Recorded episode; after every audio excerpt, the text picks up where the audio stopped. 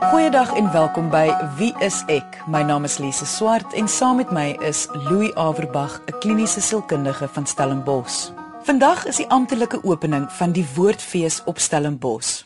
Dit het my en Louis laat dink aan die belang van woorde as 'n manier van kommunikeer. Ons weet hoe moeilik dit is om presies af te lei wat iemand anders bedoel. So ons het net lyftaal en woorde. Lyftaal verskil so van mens tot mens dat woorde die enigste gemeenskaplike kommunikasiemiddel tussen mense is. Tog sal die vraag altyd bly staan: wat is meer belangrik, wat jy sê of hoe jy dit sê? Omdat woorde 'n kardinale rol vervul in ons daaglikse bestaan, ons ervaring van die wêreld om ons en in elke verhouding in ons lewe, van die petroljoggie tot jou lewensmaat, het ons gevoel dit is 'n lekker onderwerp om vandag oor te gesels aan die hand van 'n paar luisteraarsbriewe. So ons gaan kyk na hoe jy woorde op die mees effektiewe manier kan gebruik om jou behoeftes, gedagtes en ervarings te deel met iemand anders. Kom ons luister na die eerste brief van die dag. Louwen Lise. Ek en my man is al 8 jaar getroud. Dit is ons albei se tweede huwelik. Ek het nou vir 6 maande by my kind van my eerste huwelik gaan woon om uit te help met hul eerste baba. Ek en my man het gereeld telefonies kommunikeer en hy het elke tweede naweek by ons kom kuier. Ek is nou al vir so 2 maande weer terug by die huis. Sonder dat daar enigiets gebeur het of gesê is, het ons begin aparte lewens lei. Hy slaap in sy kamer en ek in myne. Ons het geen argumente nie en is baie beleefd met mekaar. Tog is daar konstante wit olifant in die omtrek. Ons verhouding. Hierdie stilte lê baie swaar op my. Ek dink die hele tyd hieraan en kom eenvoudig nie op 'n oplossing nie. Dink jy ek moet die onderwerp aanraak met hom? Ek is ook nie heeltemal seker oor wat ek gaan sê nie omdat ek self nie weet wat ek wil hê nie. Sê nou maar dit vererger die situasie. Het jy asseblief vir my raad? Dankie, anoniem. Indien jy wil hê ek en Louis moet jou brief, storie of vraag hier op Wie is ek bespreek, kan jy ons kontak deur ons webwerf wieisek.co.za of gaan na ons Facebookblad onder Wie is ek met Louis en Lise. Onthou alle briewe wat bespreek word sal anoniem bly. Louis, hierdie is vir my 'n klassieke situasie wat ek glo in baie verhoudings gebeur. Die beste manier om dit op te som is seker om te sê hulle ignoreer liewers die situasie as om daaroor te praat. Ja, dis eintlik 'n baie bizarre situasie as mens daaraan dink. En iets wat mens nogal baie sien of selfs ervaar ook. Dis nie asof hulle kwaad is vir mekaar nie. Asof hulle nou beklei met mekaar nie. En dis ook nie asof daar regtig baie sleg aanwesig is nie. Daar is eintlik net goed wat afwesig is. En dis amper asof mens 'n behoefte het om 'n onderhoud te gaan doen en 'n mikrofoon in elkeen se gesig te druk apart en te sê maar wat dink jy? Hoe ervaar jy die situasie wat op aarde gaan aan? Hoe verklaar jy dat julle nie meer met mekaar praat nie? Die ironie is dat dit klink asof die man 10 teen 1 presies dieselfde voel soos sy. Ek bedoel hy is tog ook in die huis en hy ervaar tog ook dat hulle geruisloos uitmekaar beweeg het. Hy wonder sekerlik tog ook waarop hierdie afstuur. Wel ons raai dit en ons neem dit aan en dit is seker so, maar dit kan ook nie so wees nie. Die punt hiervan is dat ons het geen idee nie. Ons weet nie want niemand sê nie of niemand demonstreer nie. En dis wat jy nou nou na verwys het toe jy verwys het na lyfstaal. In gesprekke met mense is dit nou al oor en oor wetenskaplik bewys dat mense reageer omtrent 70 tot 80% op die hoe mense dinge doen. Of hulle nou praat of nie. Selfs al praat jy, hoe jy dit presenteer met jou lyf en jou gebare en die intonasie van jou stem beteken vir die meeste mense omtrent alles en meeste mense fokus nie regtig op presies wat gesê word nie. So wat ons dan nou in die situasie het, is 'n kommunikasie, 'n baie sterk kommunikasie van lyfstaal en die afwesigheid van woorde. Dit beteken niemand het die vaagste benul wat aangaan en wat in die ander persoon se kop aangaan nie. Dit kan enigiets wees. Maar om alles net te ignoreer kan tog nie op die langtermyn werk nie. Ek bedoel eers gaan iets tog moet uitkom of is ek nou verkeerd? Kan hulle maar so aangaan? Wel teoreties kan hulle so aangaan en hulle gaan so aan op die oomblik. Maar dis duidelik dat sy ten minste nie meer vir lank so kan aangaan nie. En ek dink dit is wat ooreenkomste in verhoudings impliseer waarvoor mens ongelukkig taal of woorde nodig het. So sy dit stel hier is 'n wit olifant in die vertrek, in hulle vertrek. Ten minste van haar kant af. Sy ervaar ongemakspanning wat op aarde gaan aan. Ons weet nie of hy dit ook ervaar nie. Dus ten minste van haar kant af sien ons dit gaan nie werk op die langtermyn nie. En dit is dan genoeg rede om te sê maar eers sal die ding dan nou maar moet bedink of bespreek word. Wat my ook opval is dat sy vra of 'n gesprek nie dalk die situasie kan vererger nie. In my kop kan die situasie nie eintlik veel erger word nie, want dit is tog nou klaar erg. Jy is in 'n verhouding waar jy en jou man glad nie met mekaar praat nie en jy het geen deel wêreld met mekaar nie. Met ander woorde, daar is tans nie wel 'n verhouding nie. So hoe kan dit erger? Maar wat dit wel vir my dan uitwys, is dat sy tog nie haar man of verhouding wil verloor nie. Sy gee tog om.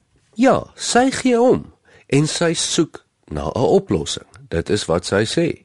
Ons weet nie of daar 'n oplossing moontlik is nie. Ons weet nie of 'n gesprek die situasie sal vererger of vergemaklik nie, want ons weet nie wat in haar man se kop aangaan nie. Ons raai dat dit nie veel erger kan wees nie, nê. Nee. Maar nou wil ek daarom ook vra. Dink gou mooi aan die situasie. As jy nou vir 'n lang tyd met mekaar getroud is en julle kommunikeer glad nie met mekaar nie en jy wonder of 'n kommunikasie die situasie moontlik kan vererger. Wat sê dit dan van die huwelik? Dit sê dan eintlik dat julle op 'n baie min vlakke regtig mekaar verstaan.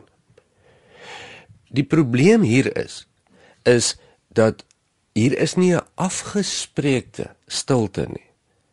As hulle 'n gesprek het of 'n onderhandeling het en die ooreenkoms is goed, ons gaan nou nie met mekaar praat nie. Dan weet albei waar hulle staan. Maar ek kan saam met jou nie sien dat dit veel erger kan raak om dan 'n gesprek te hê. Nou al is dit 'n gesprek wat uitkom op die ooreenkoms dat hulle nie met mekaar praat nie, want dan is daar nie meer 'n wit olifant nie. Dit kom alles neer op wat ons baie keer oor praat oor opsies. Jy moet deur die opsies gaan om 'n situasie op te los. Daar's nie altyd net een pad om te volg of een opsie nie. Sy moet kyk na al die opsies waarvan woorde of die gesprek een opsie is. Ja, en soos met enige opsie sal dit ook negatiewe gevolge inhou. Maar ek dink die positiewe van 'n gesprek is gewoonlik meer as die negatiewe. Dit is natuurlik hoekom sy ook spanning ervaar as gevolg van al die onsekerheid wat sy moet sê, wat sy reaksie gaan wees ensovoort. Dit alles moet geweldige druk op haar plaas, wat ook nie goed is nie. Nee, natuurlik nie, want die proses hier is dat sy 'n oplossing probeer soek vir iets wat sy nie alleen 'n oplossing kan voorkry nie. Die enigste oplossing wat sy alleen hier kan kry is om dit te aanvaar. Maar om hierdie situasie met haar man uit te sorteer, moet dit 'n gesamentlike poging wees en daarom het sy baie min beheer in hierdie situasie waar sy is, wat dit vir haar baie moeilik en onseker maak. Want 'n groot deel van die oplossing lê nie net by haar alleen nie. Dit lê by haar en haar man. Jy luister na Wie is ek met Louie en Lise op RSG 100 tot 104 FM. So wat sal jou raad dan vir die skrywer wees? Hoe begin sy hierdie gesprek met haar man? Wel die voorveronderstelling is sy sal moet hierdie gesprek begin. Iemand sal dit moet begin, nê. Nee. Kyk nadat mens vir 'n ruk getroud was. Dink ek nie mens hoef daarom te veel te bekommer oor presies hoe begin jy nou 'n gesprek met iemand nie. Jy begin eenvoudig met iemand praat en daar is mos daarom nou basiese beginsels van gesprekke. Jy gaan mos daarom nou nie om aanval nie en rustig met hom gesels en met hom praat soos wat jy weet hy daarvan hou om gepraat te word. Dit beteken nie jy, jy hoef op jou knieë rond te kruip en te smeek om mee gepraat te word nie. Maar dit is darm nie so moeilik nie. Dit bygesê, weet ons dat goeie kommunikasie eintlik 'n vaardigheid is. Dis nie iets wat almal net sommer gemaklik net kan doen nie. Nee. Daar is baie wenke beginsels van goeie kommunikasie. En meeste van ons weet daarom die dinge. Soos om nie heeltyd mekaar in die rede te val nie, soos om min of meer daarom te luister wat die ander persoon sê. Byvoorbeeld as sy nou begin om die gesprek met haar man aan te roer, deur dit daarom mooi netjies te stel. Deur te sê dis wat sy oplet, dit is wat sy ervaar, sy kan nou nie net aannames maak oor wat sy bedoelings is nie wat ek baie keer agterkom is dat om 'n gesprek te begin lê eintlik daarin dat 'n mens selfbewus voel dat die persoon om die eerste een te wees om nou te sê goed ons moet nou maar praat hieroor. Mens voel selfbewus om daardie gesprek te begin. Dis asof dit nie so seer die woorde is wat jy wil gebruik nie, maar letterlik net om verby die selfbewustheid te kom. Ja, dit is 'n baie menslike gevoel. Maar mens moet ook na die ander kant hiervan kyk. As jy in 'n verhouding wil wees, al is dit net 'n vriendskapsverhouding, en jy gaan nie hierdie tipe konflikte aanspreek nie, dan kan jy maar verseker weet die verhouding gaan agteruit gaan. En as dit nie is wat jy wil hê nie, het jy ongelukkig dan nie 'n opsie nie. So dit kom daarop neer dat jy met vir jouself kan vra wat is belangriker, jy wat selfbewus voel of die verhouding? Ja natuurlik. En daarbey gesê moet mens dan byvoeg dat kommunikasie in verhoudings behoort nie 'n opsie te wees nie. Dis per definisie wat in 'n verhouding is. Anders moet jy nie in 'n verhouding wees nie. En wat dan nou as dit wel vererger? Met ander woorde, as iets gebeur soos hy wil nie terugpraat nie of die man wil net eenvoudig nie oor hulle verhouding praat nie, dit dit is nie vir hom 'n opsie nie. Wat moet sy dan doen? Soos met enige ander vorm van kommunikasie of gesprek tussen mense, sal mens darm nou 'n paar strategieë gebruik. Sy sal hom dalk bietjie kans gee om bietjie te dink. Ehm um, as hy nie daarop wil reageer nie, kan sy vir hom 'n paar opsies gee. Of jy uh, gesels met my of ek trek uit die kamer uit of wat dit ook al is en jy kan sien dat ek dan al hoe meer begin druk in die rigting van ultimatums. Maar 'n ultimatum is iets wat mens slegs as 'n laaste opsie gebruik en ook gebruik nie as 'n dreigmiddel nie, maar as 'n realiteit. Byvoorbeeld as jy nou nog nie met my gaan praat nadat ek 17 keer probeer het op 'n mooi manier nie, los jy my met geen ander opsie as om of nooit weer met jou te praat nie of om te skei of wat dit ook al is wat jy dan op die einde van die dag doen. Maar daar is nie 'n onbepaalde tyd wat mens kan aangaan en aangaan en aangaan om te probeer kommunikeer nie. Daar kom 'n punt waar mens dan moet jou poging stop en dan verder jou besluit te maak. Ons gesels vandag oor die noodsaaklikheid van woorde en hoe dit die beste metode is wat ons het om ons gedagtes, gevoelens en ervarings met mekaar te deel. Die rede hoekom dit so belangrik is om goedjies met mekaar te deel, is omdat ons is mense sosiale wesens wat ander mense nodig het om emosioneel te oorleef. So kommunikasie speel 'n kardinale rol in ons geluk en welstand. Die effektiefste manier om konflik op te los is deur te praat daaroor. So aan die hand van 'n paar luisteraarsbriewe praat ons oor effektiewe kommunikasie vandag. Kom ons luister na die volgende brief van die dag. Liewe Louie en Lise, Ek is nie seker waar om met my storie te begin nie. Ek en my dogter het nog altyd, selfs deur haar tienerjare, 'n hegte verhouding gehad. Sy is 'n jaar gelede met 'n wonderlike man getroud en hulle het 'n maand gelede al eerste kind gekry. Alles is perfek, behalwe dat my dogter al hoe minder met my kontak maak. Hulle kom en gaan by ons huis net wanneer hulle wil, met geen waarskuwing nie. Hulle laai sommer ons klein kind af sonder om te vra. Maar andersins hoor ek niks van haar nie. Sy deel niks meer van haar lewe met my nie. Al wat ek vra is dat sy darm nog tussendeur 'n SMS stuur of selfs net vra hoe dit met my en haar pa gaan. Is dit te veel gevra? Ek het dit al vir haar gesê, maar dit het geen indruk op haar gemaak nie. Inteendeel, sy het vies geraak en gesê dat sy nie nou tyd het vir sulke onbenullighede nie. Sy laat my voel of ek net daar is om 'n rol te vervul en dit is om haar lewe makliker te maak. Ek sal die rol graag vervul, maar dan moet sy tog ook my behoeftes in ag neem. Hoe kan ek haar laat verstaan dat 'n verhouding oor twee mense gaan en nie net oor haar eie behoeftes alleenlik nie? Dankie. Louis met al die briewe wat ons daagliks ontvang, bly dit vir my interessant hoe moeilik dit is vir mense om met hul eie families te kommunikeer. Soms baie moeiliker as wat dit is om vir 'n vreemdeling hul behoeftes te bewoord. Ja, dis 'n algemene ding omdat ons gewoonlik meer emosioneel afhanklik is van die reaksie van die mense naby ons op ons kommunikasie. Wat vir my uitstaan in hierdie spesifieke brief is dat die ma sê sy het al vir die dogter gesê wat haar pla, maar dat dit het geen verskil gemaak nie. Wat my bring by my punt van hoe jy iets sê teenoor wat jy sê. En hoe lank jy dit aan mekaar sê met geen effek nie. As die blote uitspreek van wat ons pla verandering sal teweegbring, dan was die wêreld 'n wonderlike plek geweest dit werk ongelukkig nie so nie. Mense is soms nogal baie verbaas omdat ander mense nie reageer op hulle logiese argumente of bloot die feit dat hulle dit gesê het nie.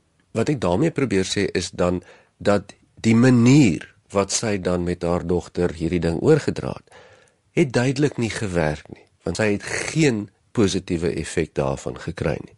Ons nou baie versigtig wees om te blameer hierso want dit is hoe kommunikasie werk. Ons kan maklik gaan sê, maar goed, hierdie dogter van haar is aspres en gee nie om nie en het negatiewe intensies want sy hoor nie wat haar ma vir haar sê nie. Vir dieselfde argument sou ons dalk ook kon redeneer dat die manier hoe ons briefskrywer dit vir haar dogter oorgedra het, duidelik maar baie swak gestel is want dit werk dan nie. Die punt van hierdie feit is dat die kommunikasie oefening nie effektief is nie. En dat sy dus vra hoe mense ander kommunikasie oefening kan laat gebeur wat kan werk. So kom dit daarop neer dat die ma nie haar ervaring van die situasie dan nou met ander woorde reg oorgedra het nie of nie die regte bewoording gebruik het nie. Dit kom neer op beide. Ons moet baie mooi besef dit wat ons sê en dit wat ander mense hoor is feitelik nooit dieselfde ding nie. En ek wil regtig so ver gaan om dit weer te herhaal. Dit is amper nooit dieselfde ding nie. Al dink mense dit is dieselfde. As dit so was, het almal in die wêreld goed met mekaar oor die weg gekom. Kommunikasie is baie baie moeiliker as wat mense dink omdat dit deur mense se ervarings gefilter word. Ons almal ken die situasie waar jy iets vir iemand sê en hulle vies word vir jou asof jy hulle aangeval het maar jou woorde is eers gefilter deur hulle filters van wat vir hulle sensitief is, wat hulle hoor, wat hulle graag wil hoor en nie wil hoor nie. En op daardie manier kan mens dan sê duidelik het wat die ma bedoel het en wat die dogter gehoor het, nie dieselfde gebeur nie. Net om duidelikheid te kry. Wat sou dan die regte manier wees om vir die dogter te sê wat sy voel, ervaar en teenoor wat sou die verkeerde manier wees? Min of meer sou mens sê dat 'n kommunikasie soos hierdie sal plaasvind waar sy eers gaan verduidelik hoe sy dit ervaar. Of dit nou reg is of verkeerd is, maak nie saak nie. Sy wil daarom die idee vir haar dogter oorkry dat dit haar alleen laat voel, sleg laat voel, misbruik laat voel as 'n ouer ensovoorts ensovoorts sonder dat sy die idee oorbring dat haar dogter dit bedoel. Want ek twyfel of haar dogter dit bedoel. Dit kan tog nie haar doel wees nie. Tweedens sal dit baie kan help as sy presies presies wat sy wil hê. Baie keer dink mense dat ander mense maklik aflei wat hulle nou eintlik wil hê. Is dit 'n besoek, is dit 'n paar SMS'e? Dit help nie sy verwys net na 'n houding nie. Sy moet sê man, luister, jy moet meer by my kom kuier. Jou stem toon wil ek graag hê moet anders wees as jy met my praat, wat dit ook al is wat sy wil hê. En laastens kan mens altyd aandui wat die implikasie is as dit nie gaan gebeur nie. Want sy kan nie dit beheer nie. Haar dogter kan baie maklik vir haar sê maar ma, ek wil nie. En wat maak sy dan? Ehm um, die implikasie is dan dat ons verhouding gaan gaan skade ly. Ehm um, ek gaan nie meer so baie met jou kontak nie. Jou pa gaan ongelukkig wees. Wat dit ook al is wat die implikasie is. En dis tog die beste wat sy kan doen om hierdie ding te kommunikeer.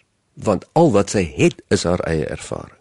Sy het geen idee wat in haar dogter se kop aangaan nie, selfs al dink sy sy het. En dis tog dan waar die gesprek inkom, want dan gee dit ook die dogter mos ook die geleentheid om te sê weer wat haar ervaring is. Daar slaan jy die spyker op die kop. Die doel van so 'n kommunikasie sal nie wees vir die ander ene om stil te sit mooi te luister na die waarhede wat jy nou uitspreek en dan hulle gedrag te verander nie want dit werk nie.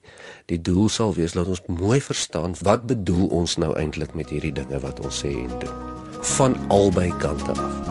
Jy luister na Wie is ek met Louie en Lise op RSG 100 tot 104 FM. Die ander probleem is dat jy niemand kan forceer om te hoor wat jy sê nie, soos jy nou gesê het of om terug te kommunikeer nie. Nee, natuurlik nie. Jy kan soms nie eers iemand dwing om in 'n om in 'n gesprek te bly nie. Haar dogter is volwasse, sy kan nie eers haar dwing om met haar te praat nie. Dit gaan oor die verwagtinge wat mens in kommunikasie het. En hier loop ons baie keer ons rieme styf. Ons verwag dat as ons vir mense iets gesê het, dat hulle A dit gaan verstaan, B dit ter harte gaan neem en C dan sommer so gaan optree. En ek wil amper vra waar kry ons die reg vandaan om dit te verwag? Dis 'n vals verwagting want jy het geen beheer daaroor nie. Telke male het ek al mense met verbasing en teleurstelling en selfs hartseer uh, gesien sit en sê maar ek het dan met haar of met hom gepraat en vertel. Dit is geen waarborg nie. Ongelukkig nie want die ander persoon kom met hulle eie filters en hulle eie ervarings. Presies. Maar wat jy nou sê is mos nou dan nou juis waar die luister ook 'n groot rol speel, nie net wat jy sê nie. Jy is heeltemal reg en hoe groot klise dit ook al is. Kommunikasie het baie baie meer met luister te doen. Dit feitelik alles met luister te doen. Baie mense voel hulle het lekker gesels. As hulle nou in 'n groep gesit het en heerlik vertel het wat hulle dink en wat hulle opinies is en ander mense het daarna geluister.